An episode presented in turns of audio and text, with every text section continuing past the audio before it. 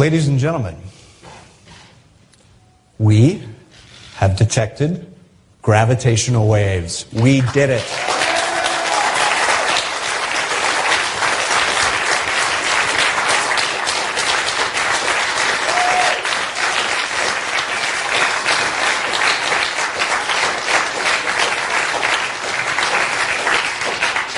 I am so pleased to be able to tell you that. So these gravitational waves were produced by two colliding black holes that came together, merged to form a single black hole about 1.3 billion years ago. They were detected by LIGO, the Laser Interferometer Gravitational Wave Observatory. LIGO is the most precise measuring device ever built.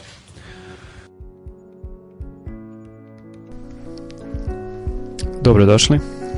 Dobrodošli. Upravo ste imali priliku da čujete kako zvuče gravitacioni talasi. Iz dalekog svemira. Talasi koji zapravo ne mogu da se čuju zato što u stvari predstavljaju vibracije prostor vremena, ali kada se taj signal pretvori u zvučni signal, onda možete da čujete ovo što ste upravo sada čuli. Ono što je zanimljivo jeste da oni zapravo imaju neke frekvencije koje bi a, su u donjem opsegu, ajde tako da kažemo, frekvencija koje čuje ljudsko uho. Generalno gledano to su ono od desetina herca do otprilike hiljadu herca, tako nešto, što odgovara nekakvom veoma dubokom zvuku. A nakon toga ste čuli i zvanično saopštenje koje je um, executive director, odnosno izvršni direktor Ligo kolaboracije, David Rice, na konferenciji koja je održana 11. februara saopštenje o tome da su detektovani gravitacioni talasi. I to je 11. februara ove tekuće 2016. godine, što nije na odmet naglasiti, zato što bi neko mogao da se upita jednoga dana kad je to uopšte bilo, zato što je Ligo ili Laigo, kako god, jedna od kolaboracija projekata i slično koji traju i traju i traju i traju i već decenijama i otprilike sa neprestan sa novim očekivanjima su što bi se reklo dosadili i konačno je bilo krajnje vreme da se nešto i otkrije pored ogromnih sredstava uloženih u to. E, tom prilikom smo mi rešili da ovu e, epizodu posvetimo o tom spektakularnom i jako bitnom otkriću posebno bitnom zato što inače se uvek kad se otkrije nešto u fizici, kad se nešto posmatra ili kad se otkrije neka elementarna čestica a, ili tako nešto kad je neki bitan eksperiment u pitanju, uvek to nekako eto, teorijski fizičari su to predvideli i sad smo to detektovali i super i onda se nastavlja i dalje ovaj, život, ali ovo otkriće je nekako um, pa posebno na neki način zato što zato što je u stvari tema vrlo fundamentalna i teorija koja je tim otkrićem otkrivena je jedna od najfundamentalnijih teorija zapravo u, u fizici. E da. Ali postavlja se pravo pitanje ko šta zapravo zovemo otkrićem, to je ono što je mnogo mnogo zanimljivije ovde. Ja lično mislim da su ovde, da je ovde čak i malo podignuto onako kako bi rekla lepa engleska reč hype na možda suviše visok nivo, zato što, budimo realni, svi mi smo znali da gravitacioni talasi postoje sad. To što oni nisu bili direktno detektovani uprkos naporima brojnih uh, entuzijasta, manjih i većih, jeftinijih i skupljih uh, uređaja i slično tokom prethodnih stotinak godina još malo pa sad će, o, to je već sasvim druga stvar ali u suštini gledano negde od 1970. godina, od preciznije da kažemo od 74. 75. zapravo zime 74. na 75. ako hoćemo baš preciznije, mi smo tako reći potpuno sigurni da oni moraju da postoje sad druga stvar što eto, je to indirektno pa onda možda nekim čistuncima i fanovima a, nekakvih empiricističkih a, pogleda i koncepcija na funkcionisanje nauke možda ne izgleda tako očigledno ali zapravo mi smo u nekom smislu reči znali da gravitacioni talasi postoje isto kao što je Leverrier znao da Neptun postoji, iako kažu ljudi nije hteo da ni da pogleda kroz teleskop kada mu je to sugerisano. Da, da, ima i toga. No, ajde, o tome ćemo malo kasnije kad, kad krenemo sa glavnom temom. Um, vidite da, to jest čujete da Mariju ne čujete. Ah, eto, nažalost, ali bit će prilike. Marija, Marija nije tu trenutno. Nije pozdravljamo. Pozdravljamo, ovim putem trebalo je da se uključi preko Skype-a i nadamo se da ćemo u narednim emisijama imati uh, tu neku rubriku um, Africa Calling, kako je ona to nazvala, Da. pošto se Inače nalazi u sasvim Africi. dobro, naravno. Ovaj, tako da, ovaj, samo smo zbog tehničkih poteškoća nismo bili u mogućnosti. I možda će ova emisija zbog tehničkih pot- poteškoća malo uh, kraće trajati, ali dobro, bit će I prilike malo da se priča. čudnije zvučati. A sada malo... Pa dobro, možemo Muzike. malo muzike, a, a onda posle nastavljamo. Inače, tema današnje emisije, muzička tema, je knjiga Anđela Johna Zorna, odnosno Book of Angels Johna Zorna.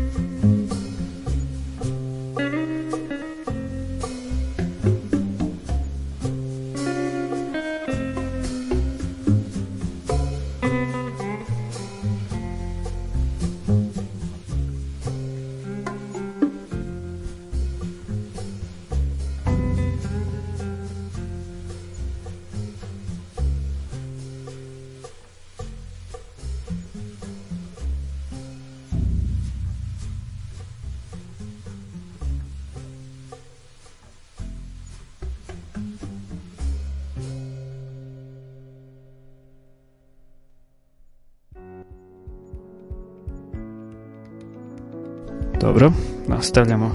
sa emisijom. Um, kao što Milan napomenuo malo pre, uh, ova detekcija gravitacionih talasa je u stvari di, prva direktna detekcija gravitacionih talasa uh, interferometrom. Objasnit ćemo kasnije kako su tačno detektovani. Uh, no, ajde da se vratimo prvo u, u istoriju i da, da kažemo nešto uopšte o gravitacijnim talasima, šta su, Ove, šta, su, šta je to Einstein predvideo svojom opštom teorijom relativnosti kad su gravitacijni talasi u pitanju, kako smo ih detektovali prvi put, indirektno, a, kad smo posmatrali binarni pulsar, pa ne znam Milane, šta ti imaš da kažeš na tu temu? Pa pre svega, dakle, Ah, gravitacioni talasi su nešto relativno jednostavno, to je u suštini potpuno analogno sa situacijom koju imamo u elektromagnetizmu i elektrodinamici gde kada se neka tela kreću na elektrisana jedno oko drugog ili u svakom slučaju kada se kreću bilo kako, a da to nije uniformno pravolinijski i neubrzano, e, onda ona emituju elektromagnetske talase. A slično tome znači u, zapravo u opštoj teoriji relativnosti tela koja, sa masom koja imaju gravitacijono polje i delu gravitacijonom silom i kreću se neuniformno bi trebalo da emituju veoma slabe naravno gravitacione talase. S tim što tu treba napomenuti da se suštinski elektromagnetni talasi razlikuju od gravitacionih talasa zbog toga što se elektromagnetni talasi prenose u prostoru, a gravitacioni talasi zapravo predstavljaju svojevrsno oscilovanje prosto, samog prostor vremena. Da, može to i tako da se shvati. Znači, pa, praktično to je moguć potpuno jedan dualni, o, dualni opis. Ono, na kraju krajeva mi možemo da kažemo da su i to nekakvi gravitoni kao što je recimo Feynman volao mislim, u svojim čuvenim predavanjima o gravitaciji a, da napomene da to zapravo potpuno isto misli kao što imamo znači elektromagnetske talase koje možemo da da kvantizujemo, predstavimo kao fotone, tako i gravitacijne talase možemo predstavimo kao nekakve gravitone. E sad, problem jeste u tome što je gravitacija za jako, jako, jako, jako, jako, jako mnogo, recimo oko 40 redova veličine, slabija nego elektromagnetska sila, tako da e, iz toga sledi da će odgovarajući efekti biti daleko slabiji, pa nije ni čudo da su elektromagnetske talase relativno lako detektovali ljudi kao što su bili Herca, zapravo pre njega i Faraday, ima da to nije objavio za života, nego samo onom posthumno objavljenom pismu, a, ali u svakom slučaju ljudi kao što su Hertz, Heaviside, kasnije Nikola Tesla, Marconi i drugi su vrlo lako detektovali elektromagnetske talase i ne samo detektovali, nego modulirali i uopšte počeli da ih koriste za razne praktične zvrke. Nasuprot tome, ako je nešto slabije 1 sa 40 nula ili tako nešto puta, onda to neće baš tako lako da se detektuje, ni sa ovaj silni napredak nauke koji je postignut u zadnjih stotinu godina omogućuje da tek sad, evo vidimo, odnosno preciznije negde jesenas u septembru prošle godine se zaista dobije nekakva kvalitetna detekcija i ako je lažnih uzbuna bilo jako mnogo u prethodnom periodu ono što treba reći jeste da sam Einstein recimo nikad nije zbog toga što je bio svestan slabosti gravitacione interakcije onda uh, on sam nikada nije verovao i smatrao je da je to jedno od one vrste predviđanja koja nikada neće biti uh, eksperimentalno verifikovana i u više navrata izražavao svoj skepticizam po tom pitanju uh, ispostavilo se da je zaista trebalo jako mnogo vremena ali da to ipak može da se uradi. Sa druge strane E, ono što je postalo jasno pa sa, najviše sa razvojem oblasti koja se zove relativistička astrofizika koja je najvećim delom počela da se razvija negde 1900, krajem 50. i početkom 1960. godina kada su e, lansirani sateliti koji su mogli da detektuju pa najviše pre svega objekte koji emituju rentgensko zračenje. A, i zahvaljujući kojima smo shvatili da u našoj galaksiji i u drugim galaksijama ima jako mnogo izvora koji su karakterisani krajnje ekstremnim fizičkim uslovima, a pre svega on, oni se zato i zovu, zato se to i zove relativistička astrofizika, zato što su tamo nekakve ekstremne pojave, odnosno um, recimo objekti se kreću brzinama koje su značajan deo brzine svetlosti, gravitacione polja su mnogo jača nego kod običnih zvezda, planeta i slično, te u tom smislu reči je uh, i količina energije koja se uh, koja se emituje iz takvih sistema kao što su recimo razne rentgenske dvojne zvezde, na primer, ili mini kvazari ili gomila nekakvih objekata kojima uopšte ranije nismo ni sanjali na osnovu onih potaka koje nam dobija sam, koje dobijamo samo posredstvom optičke astronomije. E, onda 67. godine su otkriveni pulsari, ovi obični, a, i sad povodom ovoga otkrića onda su počeli ljudi da ponavljaju neke m, dakle te segmente iz istorije astronomije. E, treba naglasiti naravno često se to pogrešno ponavlja. E, dakle treba obično se u gomili tekstova koji su bili objavljeni ovim povodom između oslog nekih naučno-popularnim tekstovima koje su pisali e, ljudi izjavama koje su davali za medije ljudi koji su koji jesu vrsni popularizatori nauke kao što je Lorenz Krauss ili, ili Michio kako se stalno iznova perpetuira taj mit, odnosno ta, pogre, ta predrasuda koju nažalost je osnažio i Nobelov komitet, a to je da su pulsare otkrili Anthony Hewish i Jocelyn Bell. Ne, pulsare je otkrila samo Jocelyn Bell, a Anthony Hewish je bio uh, da ne upotrebim, ne, da upotrebim jednu težu reč, mislim, zove jedan ovako organizacioni prevarant ili hoštapler ili uopšte neko ko se nadovezao na taj bandwagon čija je najveća zasluga zapravo za to bila, osim toga što je bio direktor observatorije, je li bila ta da je uh, smislio sam termin, odnosno ime Pulsar. Uh, pošto je nažalost Nobelov komitet uh, je ove kovečio tu veliku nepravdu na koju je kasnije više struku ukazivao Sir Fred Hoyle recimo koji je prvi pokrenuo celo to pitanje i koji je smatrao da to jeste jedan deo diskriminacije prema ženama u nauci dok ja se lično potpuno slažem sa tim dakle da te u tom smislu reći sad se ponovo to perpetuira dakle Pulsar je realno otkrila Jocelyn Bell 67. godine i vrlo brzo je svaćeno da je Pulsari odgovaraju onome što su predvideli neki mudri teoretičari na čelu sa Robertom Oppenheimerom, Thomasom Goldom i još nekima, to je da bi to mogle da budu rotirajuće neutronske zvezde koje periodično kako se okreću ogromnom brzinom oko svoje ose, periodično zemlja upada u relativno uzak prostorni ugao ko, u kojem oni emituju specifične pulseve, pa onda vidimo te jako precizno u vremenu pozicionirane kratke signale, odnosno pulseve po kojima su i dobili ime. I koja je tačno veza onda binarnih pulsara sa gravitacijnim talasima? Jel to znači... Pa, pa ovako, dakle, prvi je pulsar običan, ne binarni, otkriven 67. odnosno prva tri, a već sedam godina kasnije, to je znači, to otkriće je odjeknulo dosta i ovako zainteresovalo mnoge ljude za, a, za detekciju takvih ekstremnih objekata, a 74. su Taylor i Hals radići na observatoriju u Arecibo, onom velikom, onom onako ikoničkom ovaj, radioteleskopu između brda su pronašli objekat koji je zvanično po svojim koordinatama, znači ima ime PSR 1913 plus 16, a, dakle koji je znači oni su detaljni, to je jedan pulsar, ne kako se često kako se često pomalo onako pogrešno izbunjujuće navodi. Dakle, mi vidimo jedan pulsar, ali ono iz e, njegovih osobina e, su Taylor i Hals bili u stanju da odmah zaključe taj rad se pojavio u, zato kažem zima 74 na 75, on se pojavio rano 1975. godine, početkom 75. godine, e, u kome su oni pokazali da jedino objašnjenje periodičnih povećanja i smanjenja perioda pulsacija leži u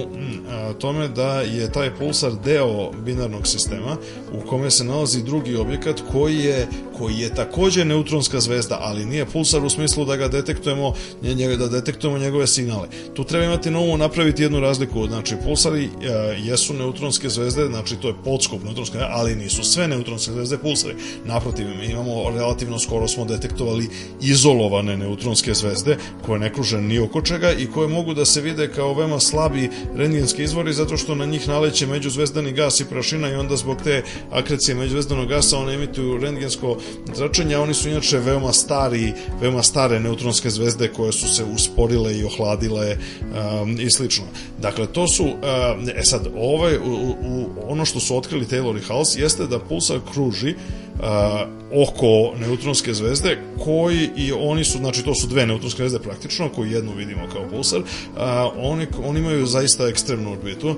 dakle period, njihovo, period njihovog obilaska oko zajedničkog centra mase je nešto malo više od 7 sati, uh, taj period se merljivo smanjuje. A, I to se smanjuje negde u vrednosti od oko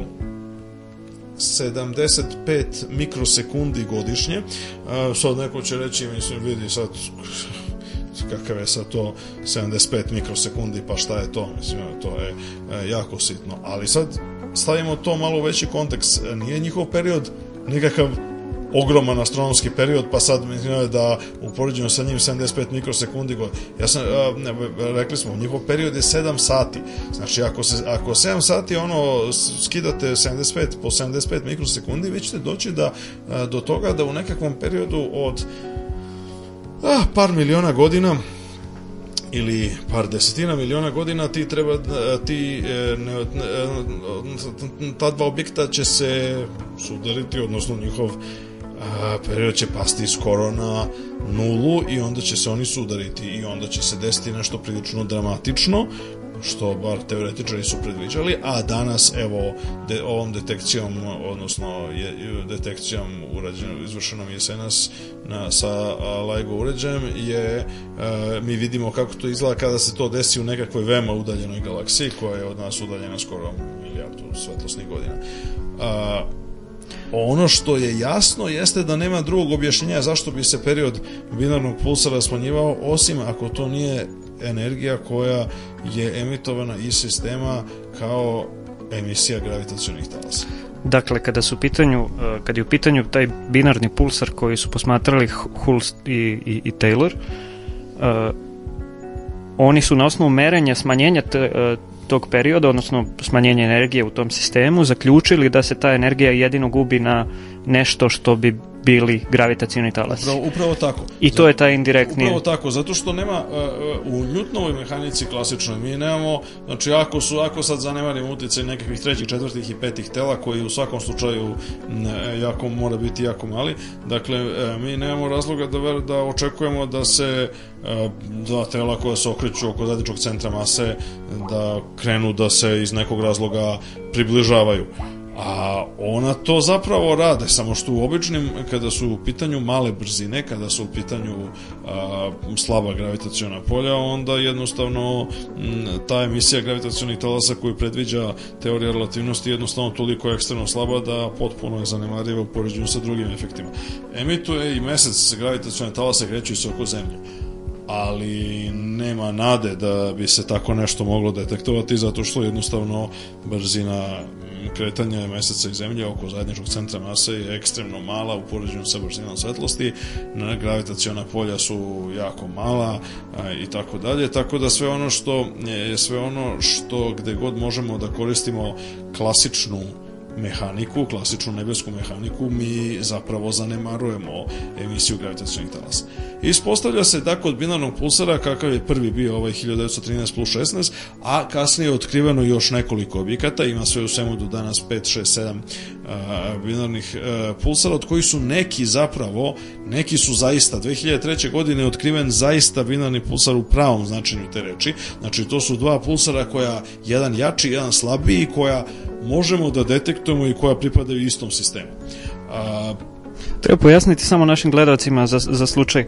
um, da, da nije jasno šta je tačno pulsar. Po čemu se pulsar razlikuje od nečega što bismo zvali neutronska zvezda? Neutronska pa zvezda razlikuje kao- se... Neutronska zvezda je opšti, e, opšti pojam.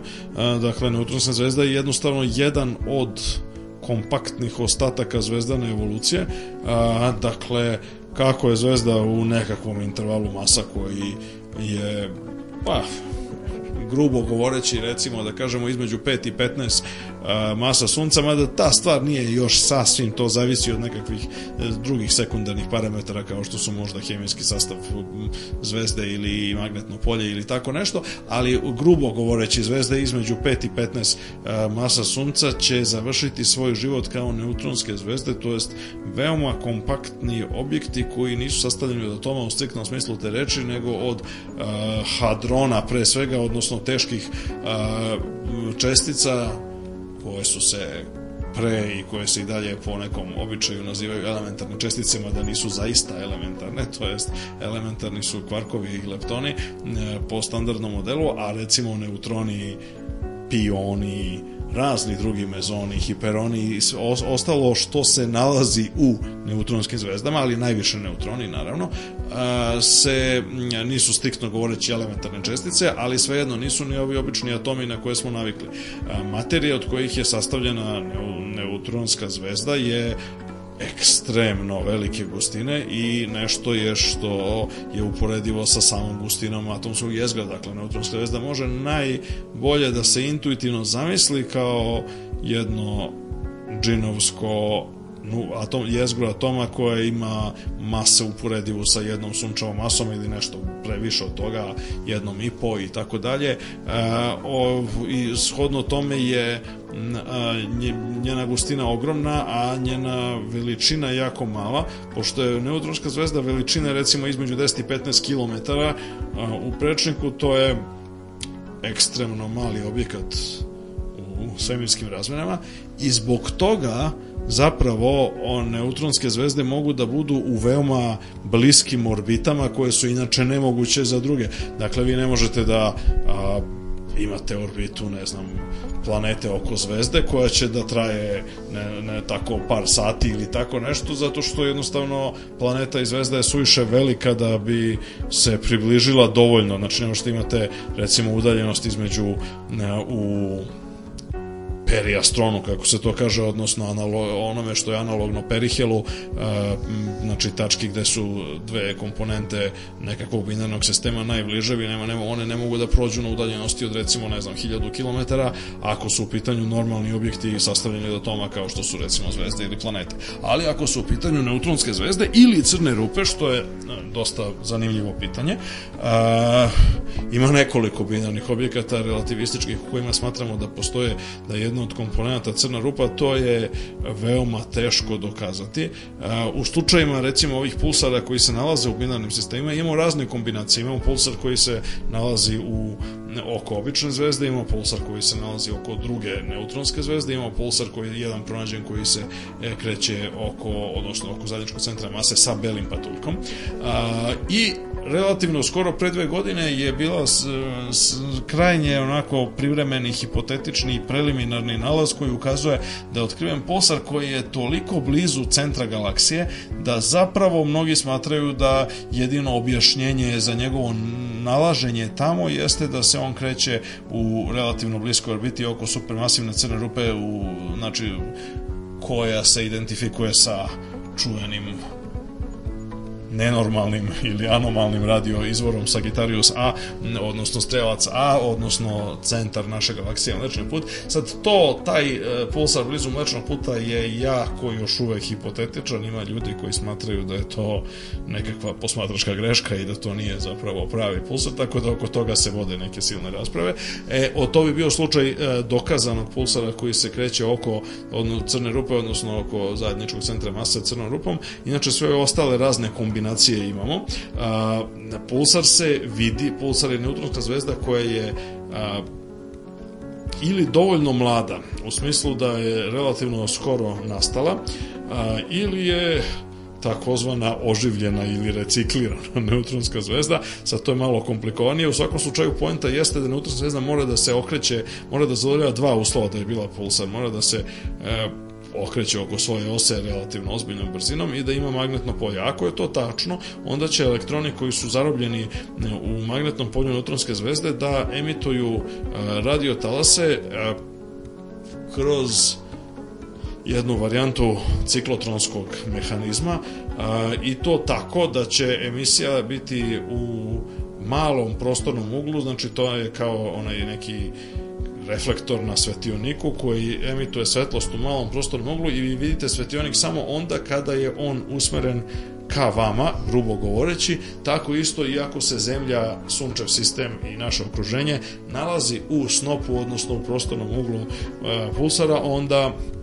ga mi vidimo kao pulsar. Ako se ne nalazi, onda ga obično nećemo vidjeti, mada teorijski, kažem, u novije vreme bismo mogli da ga vidimo u rentgenskim teleskopima, ako on a, se nalazi u nekakvoj oblasti međuzvezdane materije gde, gde je malo veća gustina gasa i prašine, pa onda, a, dakle, on krećući se kroz galaksiju hvata taj gas i prašinu i oni dok padaju na e, površinu e, neutronske zvezde, oni se zagrevaju i emituju rentgensko zračenje. Takođe, povremeno dolazi do toga da povremeno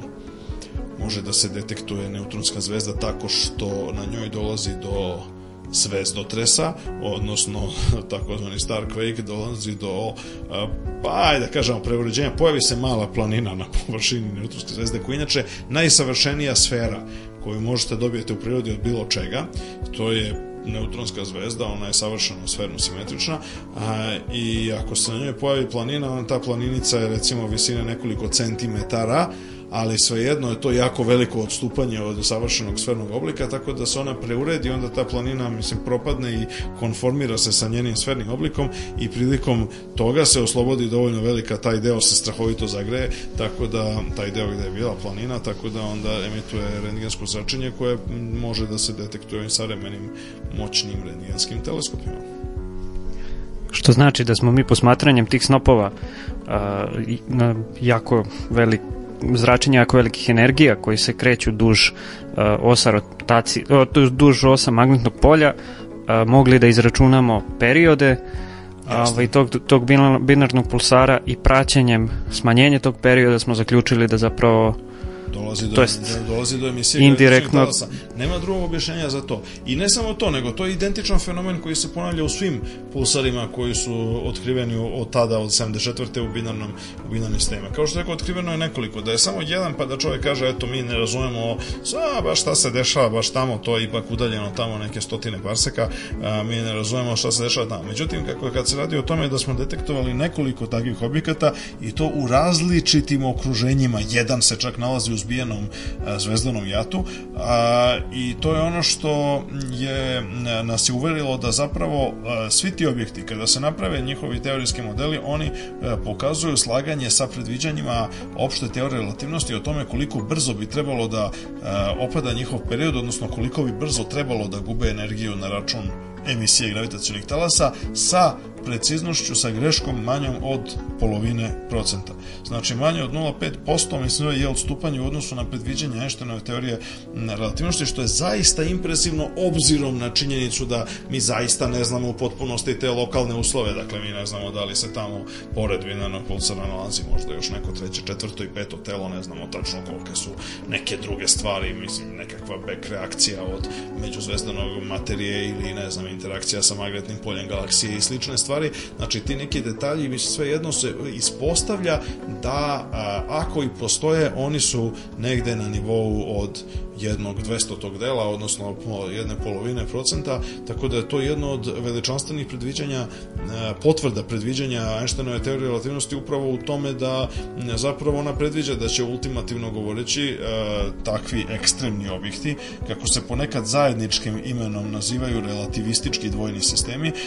da zbog emisije gravitacionih talasa polako spiralno se približavaju jedan drugom i na kraju se naravno sudare i prilikom tog sudara oslobodi se jako velika energija pošto se E, ta dva tela spoje u jedno, tom prilikom se razlika između energije koje su u gravitacionom polju e, ta, ta dva tela i njihove međusobne potence energije i onoga što imamo na kraju, znači to jedno telo, šta god ono bilo, najverovatnije crna rupa, ali šta god ono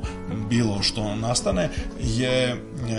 jednostavno ta energija mora da se nekako oslobodi i ona se najčešće oslobađa u najvećim delom u vidu, bar su tako teoretičari tvrdili, a od skora imamo i jako dobre posmatračke argumente da je to upravo tako, e, u vidu e, nekakve vatrane lopte koja emituje pre svega gama zračenje, tako da je to ono što se najčešće naziva gama bleskovima i ono što je detektabilno u raznim drugim galaksijama. Dešava se širom svemira u svim mogućim galaksijama različitih tipova. E, sad znamo, pošto, smo, pošto je upravo takav jedan događaj, e, najverovatniji generator ovog impulsa gravitacionih talasa koji je bio detektovan je u jesen prošle godine. Ono što je jasno jeste da pored gama zračenja ima i nekih drugih oblika u kojima se ta energija izdvaja prilikom kolapsa tih relativističkih dvojnih sistema. Ali o tome ćemo posle jedne male muzičke pauze.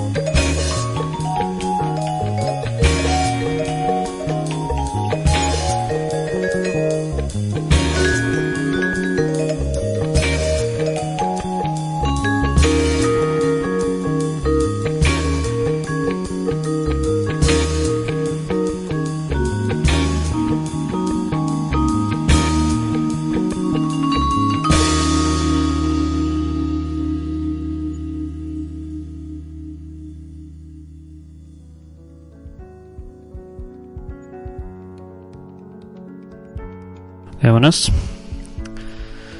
Još smo tu. Pa dobro, pretresli smo to kako, kako se indirektno detektuju gravitacijni talasi posmatranjem uh, binarnih pulsara, ali ajde vidimo sad šta se desilo uh, sa ovim eksperimentom LIGO i kako su detektovani gravitacijni talasi koji potiču od ovaj, sudara dve crne rupe Mhm. um, koji su detektovane LIGO eks- eksperimentom. O Jeste. čemu Ligo se je znači skačenica od jeli laserska Laser. interferometra i interferometarska gravitaciona observatorija. Uh, dakle, sad šta je tu šta? Pa, pošto kao što si lepo rekao, gravitacioni talaci su poremećaj prostora i vremena, to znači da teorijski gledano bilo šta što može da beleži bilo kakve promene u geometriji, recimo, na primjer, udaljenost između dve tačke ili zakrivljenost nekakve linije ili žice ili bilo šta drugo, može da se upotrebi za detekciju gravitacionih talasa. Teorijski, kada bi oni zaista bili veoma jaki, onda bismo mogli da primetimo kako, kako kad recimo gravitacioni talas prođe kroz, na primjer, trougao, onda on izazove to da se trougao privremeno deformiše i onda jedno vreme, na primjer, zbir uglova u trouglu neće biti 180 stepeni, nego će biti drugačiji. Ili recimo ako biste uzeli, na primjer, savršeni krug od neke materije, žice ili tako nešto, onda jedno dok prolazi gravitacioni talas kroz njega, onda bi on postao recimo elipsa. Pa slično kao što se zvučni talasi prenose kroz, Jeste. kroz, kroz neke čvrste materijale. Kad na jednom mestu iz, ali, izazivamo zvuk, na drugom mestu se zapravo taj čvrst materijal sažima i, i širi. Upravo to. I uh, ono što je to, mislim, zapravo ideja svih detektora manje više, svih tih nekih direktnih detektora uh, gravitacionih talasa sastoji se upravo u tome. Dakle, vi imate neki geometrijski pattern, da kažemo, imate recimo udaljenost između dve tačke, na primjer, koju možete meriti jako precizno, koja će da se promeni pod dejstvom male promene samog prostora e, koja se dešava kada gravitacioni talas pogodi taj deo, taj deo prostora. A, dakle, e, pritom da bismo razumeli kolika je, kolika je e, veličina, odnosno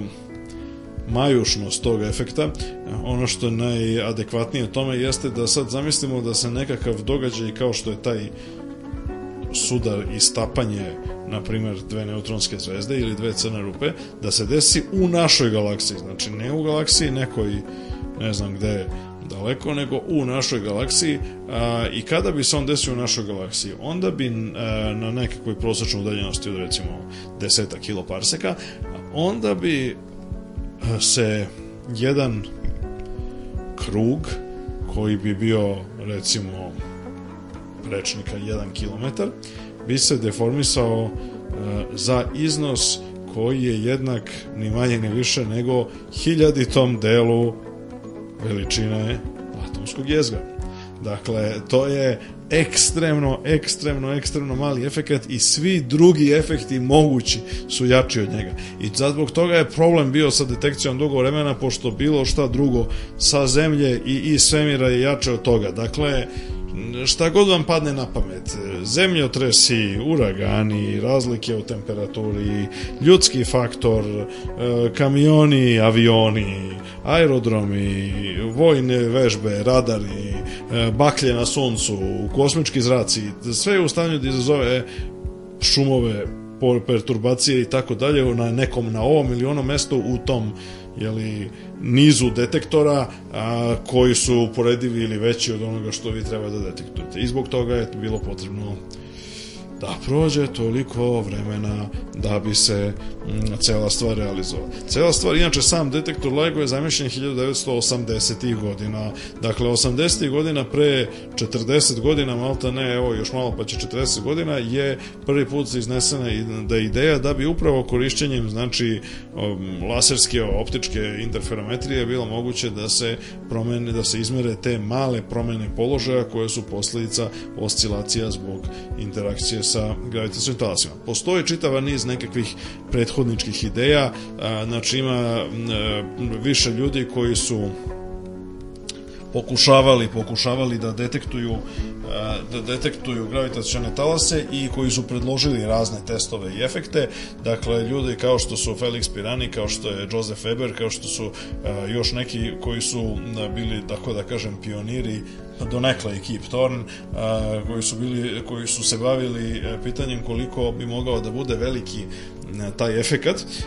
i na koji način da ga izmerimo, su dugo vremena pokušavali da osmisle koji je to najbolji mogući način za detekciju ovih fenomena, a jedna od bitnih nepoznanica koja je bila nejasna i na neki način od koje je sve zavisilo jeste pitanje koliko se često ekstremni događaj te vrste tipa sudara neutronskih zvezda, sudara crnih rupa, eksplozija jako velikih supernovih, takozvanih hipernovih i slično. Dakle, ti e, događaji koji bi mogli biti potencijalni izvori gravitacionih talasa, koliko se oni zapravo često dešavaju u prosečnoj galaksiji. A, ide, mi ne možemo da, i nisu, nisu se ni konstruktori uh, Lajgoa u svojih nekoliko inkarnacija, jer taj projekat je započinjao, pa stajao, pa ponovo, pa, pa bio poništavan, pa su ljudi odustajali, pa se menjao tim, pa su se menjali ono rukovodioci takozvani PI i Principal Investigator koja i tako dalje. Dakle, to je bila jedna od najdužih e, saga i epopeja, što nije ni malo čudno s obzirom na dimenzije toga. Dakle, treba imati na umu da je zapravo u ovom savremenom savremenom obliku kakav je sad trenutačno, e, to je jedan, jedno, jedno veliko, to su dva velika postrojenja, znači jedno u Hanfordu, Američkoj saveznoj državi Washington, drugo u Livingstonu, Američkoj saveznoj državi Luizijani, znači oni su razdvojeni sa nekoliko hiljada kilometara, ali su dovoljno dobro ovaj, usaglašeni i da bi se, e, znači celo to, cela stvar do sada nije sasvim jasno, jako je teško pronaći, uzre budi rečeno, ja sam pokušao da pronađem e, baš tu skoro koliko kolika su ukupna kumulativna ulaganja u, u LIGO projekat bila od 80. godina na ovamo, ovaj, e, ova, ova iteracija poslednja koja je ajde da kažemo kako kad su detektori dobili taj oblik koji je izvršio koji, koji je doveo do te detekcije u septembru 2015. je e, se procenjuje da je koštala oko 240 miliona dolara dakle ovi prethodni mislim da sve te sve u svemu taj ceo iznos je verovatno nešto oko milijardu dolara sve u svemu što je za jedan bilo kakav uređaj i posmatrački i dalje je jako, jako mnogo, to je mnogo više, recimo primjera radi, na primjer Gemini i teleskopi, znači dva velika optička teleskopa od, od 8 metara u prečniku, jedan na severnoj, drugi na južnoj hemisferi su ukupno koštali oko 180 miliona i smatrani su, mislim, među najskupljim uređajima. Znači ovde je jedino iznad e, ovog nivoa, jedino su stvari kao što je CERN, kao što je LHC ili kao što je recimo onaj eksperimentalni fuzionni reaktor ITER. Dakle, to je e, big, big science, kako bi se to reklo, odnosno zaista velika i skupa nauka i kao velika i skupa nauka ima čitav niz svojih deli te vrline i mane sa drugim sličnim uređajima te vrste. E, jedna od stvari zbog kojih su ljudi recimo čekali dosta dugo, kažem, otkriće je uređeno septembra 2015. godine. Zašto je objavljeno tek sad? u februaru 2016. Pa zato što se pokušavalo da se bude sasvim siguran da nije u pitanju nekva greška. Kažem, bilo je lažnih uzbuna i ranije, nekoliko. Ljudi su verovali još od 80. godina. Znači, bili su neki mali, recimo Joseph Weber je pravio na University of Maryland uh, u, u, u, u, u Baltimoru, uh, je pravio ovaj, male nekakve laboratorijske detektore gravitacionih talasa za koje je smatrao da će biti u stanju da detektuju efekte bliskih eksplozija supernovih, na primer. Slično nešto su radili u severnoj Italiji, dakle u saradnji, u kolaboraciji nekoliko evropskih zemalja. Recimo, poznata lažna uzbuna se desila prilikom eksplozije supernove 1987A, naime jedna grupa italijanskih naučnika je tvrdila da je korišćenjem tog malog i sa sadašnjim u sadašnjim terminima izuzetno primitivnog detektora, da je ona detektovala gravitacione talase koji su otprilike odgovaraju odgovaraju po vremenu kad su detektovani eksploziji supernove 1987A u velikom Magellanovom oblaku 1987. Uh, ono što je, međutim danas jasno da to bila greška, zapravo taj efekt je bio ekstremno mali, tako da odnos između šest signala i šuma je bio katastrofalan, tako da se danas smatra da su ljudi jednostavno ono videli ono što su želeli da vide. Što se ne dešava tako često, mislim, ne dešava se tako redko, htio sam da kažem, dešava se često u posmatračkoj nauci kada su u pitanju jako mali efekti i stvari koje su, koje su na neki način pa hajde da kažemo medijski, medijski privlačne i kao što smo videli sad kod ovog otkrića zaista privukle su jako veliku pažnju i van čisto naučnih i fizičarskih i astrofizičarskih krugova. Eto, jako bitna stvar i pored, pored toga što je u stvari e, ta direktna detekcija jedna od potvrda uh, Einsteinove opšte teorije relativnosti, što je sam taj eksperiment LIGO jedan od najpreciznijih uh, eksperimenata i jedan od najpreciznijih instrumenta ikada napravljen. Uh, jako bitna i jako značajna stvar je što je zapravo ovakvom detekcijom i budućim razvijanjem ovakvih instrumenta otvoren jedan potpuno novi prozor u istraživanje svemira, odnosno više nismo ograničeni samo na posmatranje elektromagnetnog zračenja, sad već možemo da pratimo gravitacijone zračenje, odnosno kako se,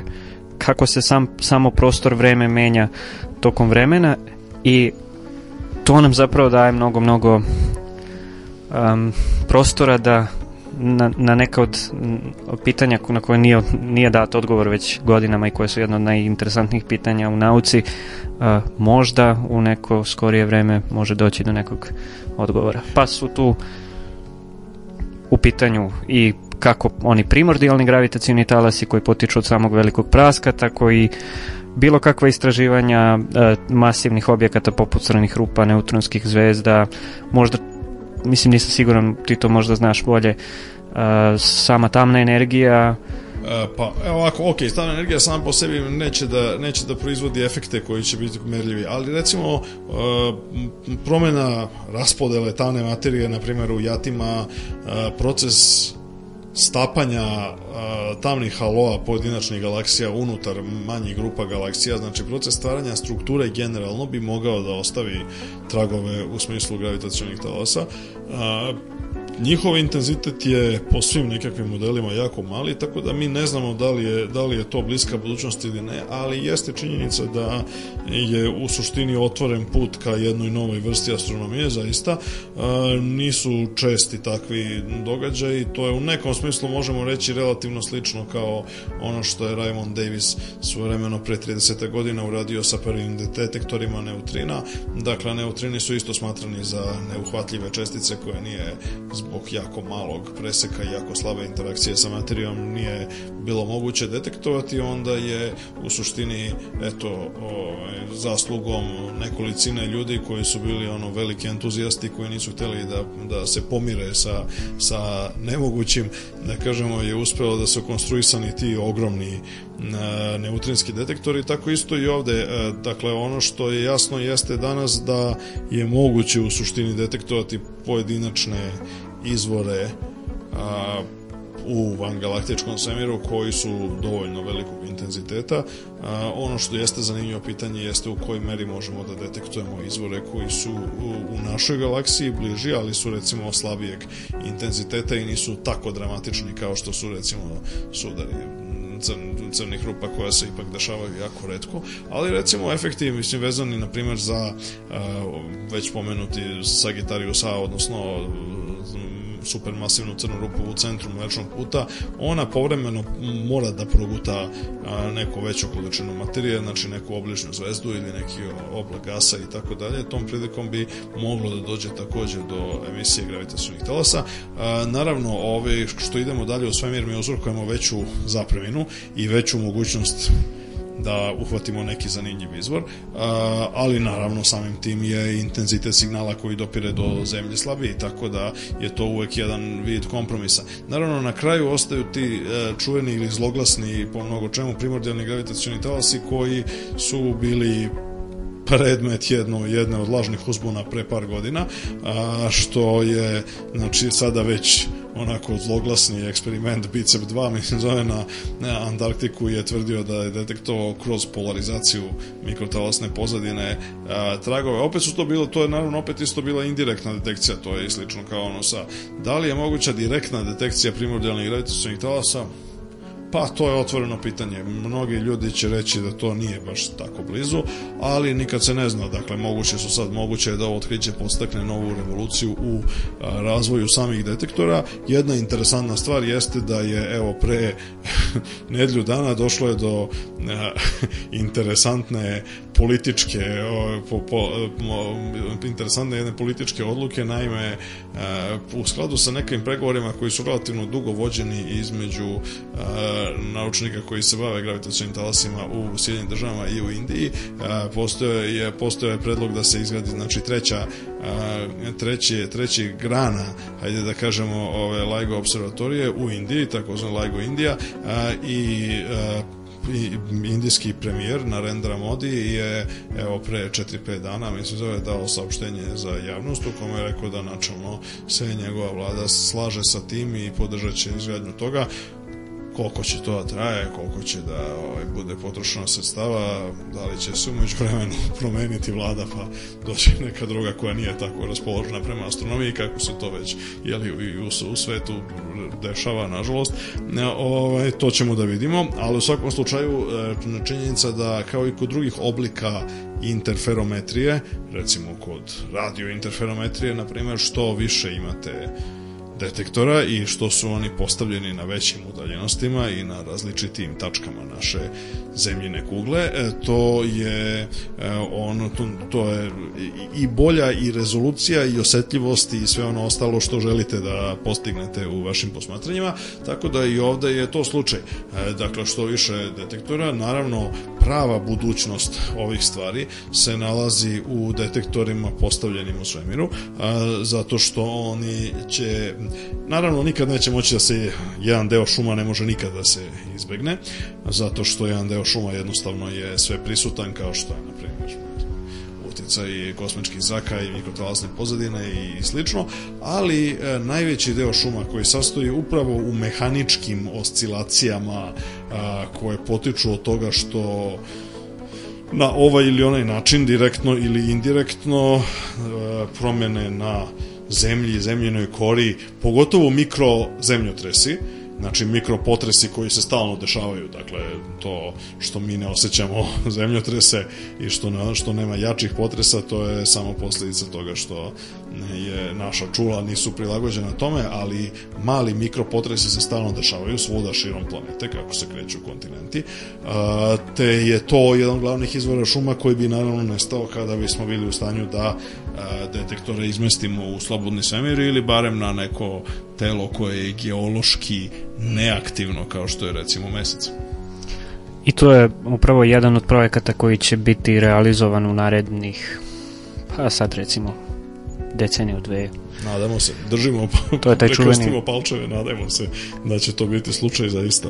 Um, Elisa je... se zove. Jeste, to je jedno od najvećih, mislim, jeste, Elisa je jedno od... I to je projekat Evropske svemirske agencije, to je zapravo evropski projekat, pored ovog Virgo projekta koji je zajedno sa Ligo projektom uh, objavio ovaj, koji isto je evropski projekat. Upravo to. Dakle, ovakve stvari, mislim, ceo taj Big Science je jednostavno takav da je gotovo obavezno i gotovo je nemoguće da jedna država sveta samostalno finansira tako velike detektore i tako velike timove, tako da su to uvek nekakvi veliki konzorcijumi, što je u ostalom prirodno i logično i nadamo se da će se nastaviti. Sad, naravno, jedna od stvari koja je naj, kao, kao i obično, često se može postaviti pitanje, sa pravom, neki to postavljaju, to je jedna od debata koja je deo same suštine diskusija o pravcu, pravcima i kretanjima nauke u savremeno doba. A, vi nikad niste sasvim sigurni e, kod tako velikih detektora,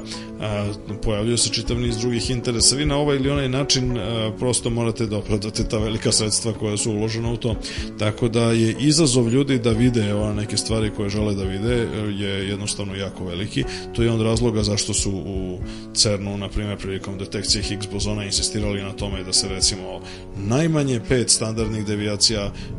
da, da bude signal za to da bi se izbegla mogućnost da je to slučajno došlo do mislim, kontaminacije šuma i slično. Isto tako i sa ovim stvarima. Dakle, ovde je već taj front nauke tako daleko od onog neposrednog empirijskog uvida u, u samu stvar da jednostavno jako teško proceniti šta je, šta je zaista signal, a šta je od mnogobrojnih izvora šuma. Samo vreme i samo persistentni i stalni i konstantni rad na tome i razvoj novih metoda detekcije i razvitak novih teorijskih modela koji bi objasnili kako taj fenomen u konkretnom slučaju gravitacionih talasa utiče na razne druge poznate i vidljive fenomene će nam dati ultimativno odgovor na pitanje koliko koristi i koliko praktične posmatračke koristi može da mogu da nam pruže gravitacioni talas. A to vreme tek dolazi i ono što se zove astrofizika gravitacijenih talasa je tek nastala, što bi se, što bi se reklo. Ovo su istorijski trenuci u tom smislu. Šta će nam doneti, ne znamo, to bi bilo kao da, kao da smo Galileja u 17. veku pitali šta ti sve možeš da vidiš nečim što se zove teleskop, tako da vidjet ćemo. Da. A sad jedna mala pauza, pa za kraj a, idemo standardnu rubriku jedan pisac, jedan, jedna knjiga, zagrebali smo samo malo a, Naravno, ali bit će prilike još o tome da, da prozborimo. Slušamo i dalje Zornovu knjigu Anđela.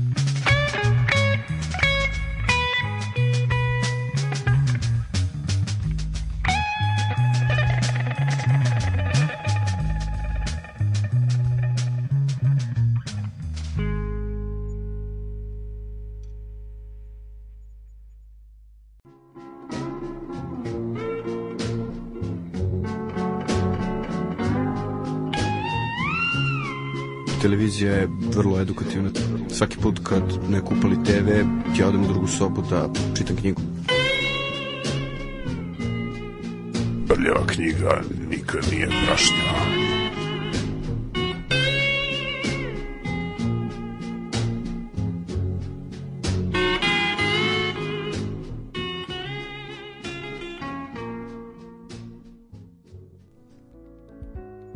I evo rubrike Jedan pisac, jedna knjiga. Današnji pisac je, nažalost, povod za, za to je tužan Umberto Eco koji je preminuo 19. februara, znači pre samo 7 dana ove godine.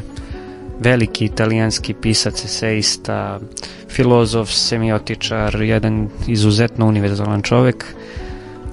Apsolutno jedna knjiga će biti njegovi Absolut. beskrajni spiskovi, ali ajde Jest. prvo da čujemo nešto ja o njegovom životu. Ja sam ovaj, u nekom smislu reći uh, jedna od prvih stvari koje smo na samom početku prve radi, u prvih trećoj ili četvrtoj emisiji epizodi Radio Galaksije davno davno uh, ovaj, smo govorili malo o Umberto Eco i o njegovom romanu Foucault Klatno, ovaj, koji je možda najpoznat, mislim, verovatno nije, ajde kažemo ime Ruža najpoznatije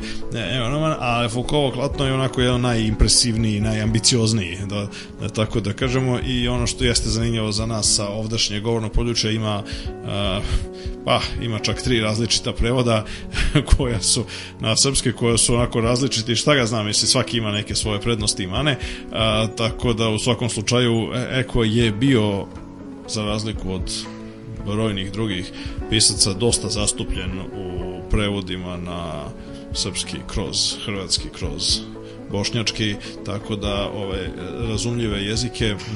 jugoslovenskih krajeva je, su imali, bilo je dosta izdanja e, njegovih i to kako umetničke proze, tako i eseja i tih njegovih popularnih e, raznih što eseističkih, što filozofskih što lingvističkih knjiga. Umberto Eco je zanimljiv po tome što je jedan ljudi koji je ušao u književnost relativno kasno, dakle njegov prvi roman se pojavio u, u 1980. godine, već pomenuto ime Ruže, to je, on je tada imao skoro 50 godina života, tako da to se obično ne dešava, obično se ljudi, ajde tako da kažemo, opredele za književnost, a i za druge umetnosti relativno rano u mladosti. Eko je do tada imao jednu vrlo uzornu naučnu karijeru, pre svega svega, znači bavio se najvećim delom, znači lingvistikom, semiotikom, simbologijom, tim stvarima koje su vezane za značenje jezika i simbola. Predavao je dugo vremena na univerzitetima u Bolonji, u Milanu, na raznim mestima u San Marinu i, i slično i čovjek je bio koji je za koji je onako imao, kažem, jednu egzemplarnu akademsku karijeru, ali ne mnogo poznatu van stručnih i akademskih krugova. Međutim, taj njegov prvi roman ima Rože izvo jako veliku pažnju i na neki način je predstavljao jednu vrstu a, pa hajde da kažemo jednu vrstu prauzora kome su se kasnije počeli da se vraćaju svi mogući i obično mnogo loši pisci mi zove na čelu sa ne znam Denom Brownom i gomili drugih ljudi pošto on e, Eko je prvi se dosetio da jedan jednu vrstu a, generički modernog žanra kao što je detektivski roman a, stavi u srednjovekovni drevni istorijski kontekst a, e, i onda je on kao posljedica toga napravio jedan jako interesantan jedan ekstremno zanimljiv roman ekstremno duhovit a i opet po mnogo čemu ozbiljan i vezan za neke od njegovih ključnih i obsesivnih tema kao što je pre svega odnos između stvarnost istorije onakve kakva je ono u izvorima i stvarnosti to je šta mi uopšte na osnovu nekakvih rudimentarnih ostataka i rudimentarnih zapisa tekstova i predmeta materijalne kulture možemo zaključiti onome što se zaista desilo ako se uopšte desilo. Jeli, ovaj, nakon, um, nakon uspeha Foucault ovoga imena Ruže koje je njega samog začudio, on je sam izjavio da je to, mislim, ono, nadao se da, da, da će roman biti čitan, ali ne da će zaista postati bestseller ono, širom Evrope pa i širom sveta i biti preveden na gomilu jezika najrazličitijih. On je nakon toga se objavio još 7-8 romana, najpoznatije naravno Foucault Klatno, takođe Praško groblje, dakle Tajni plamen kraljice Lane, a, još nekoliko koje su sve bilo dosta dosta popularna, mada nisu dosegla taj nivo kao ime Ruže. Foucault klatno jeste bila jedno vreme najprodavanija knjiga u Italiji. Sam, sam Eko je bio strahovito dakle, realističan, pa neki bi rekli i ciničan u pogledu uspeha e, svojih knjiga. E, o, naime, kada su ga pitali, mislim da, da li je, kako on komentariše za, na to da je, ne znam, u kom nekom periodu, u periodu od recimo, ne znam, mesec dana, na primer, o, Foucault klatno prodano, recimo, 50.000 primjeraka, o, on, je, on je samo odgovorio, kaže, ja se nadam da bar, kaže, 10%, kaže da je bar 10%, mislim, zove tih primjeraka otvoreno. Tako da, je, u tom smislu je, je, to je zaista jedna knjiga koja je bila jako poznata po tome što je jedno vreme bila, uh, bila onako neka vrsta, pa, ajde da kažemo, tog nekog akademskog, ono, intelektualnog statusnog simbola, to je svi su kobajagi, mislim, zove držali na policama, a sad ko je zaista čitao i ko je nije, pošto ona je jako ekstremno komplikovana i ekstremno kompleksna i, i zaista ima, ima ono 30 različitih nivoa radnje zapleta i ono 500 likova od kojih se brojni pojavljuju pod višestrukim imenima i slično. E, recimo supruga Umberta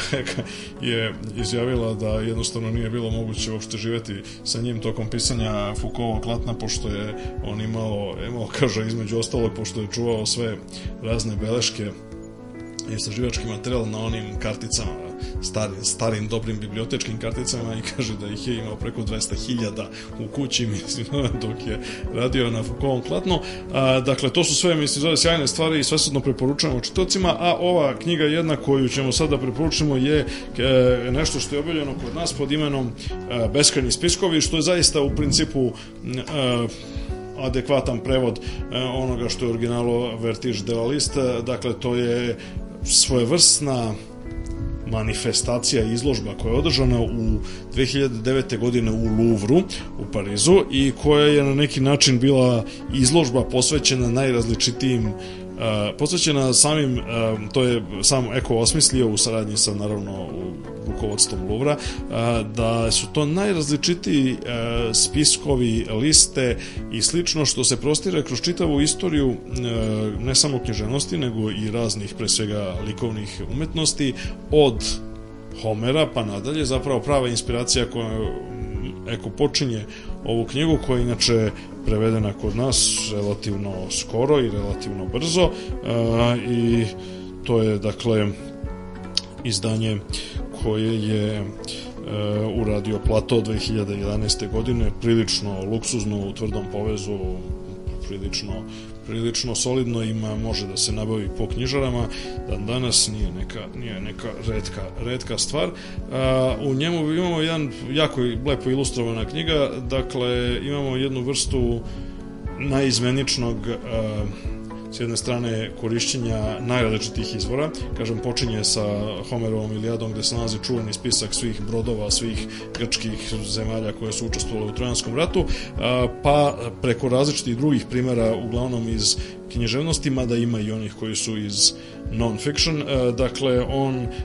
koristi to da analizira različite aspekte tog stilskog postupka i e, između se nalaze njegovi eseistički komentari koji su sami po sebi jako zanimljivi. Za sam kraj, jedan mali citat iz sedmog pogleda.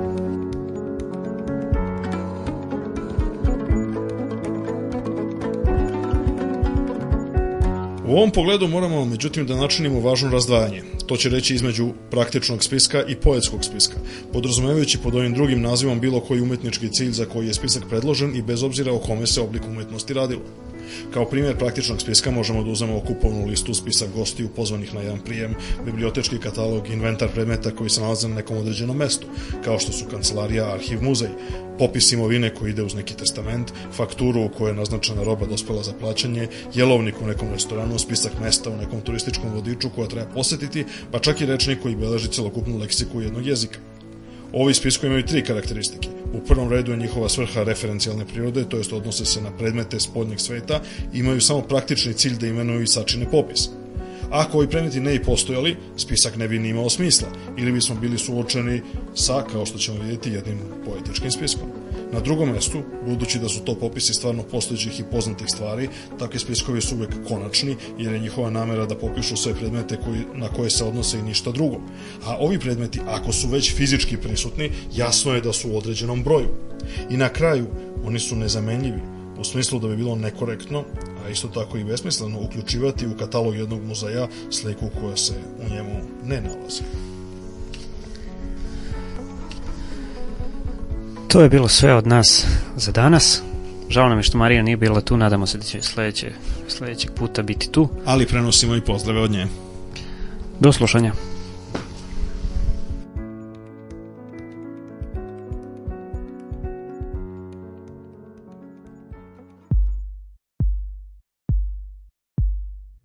Emisija je pod pokroviteljstvom Centra za promociju nauke.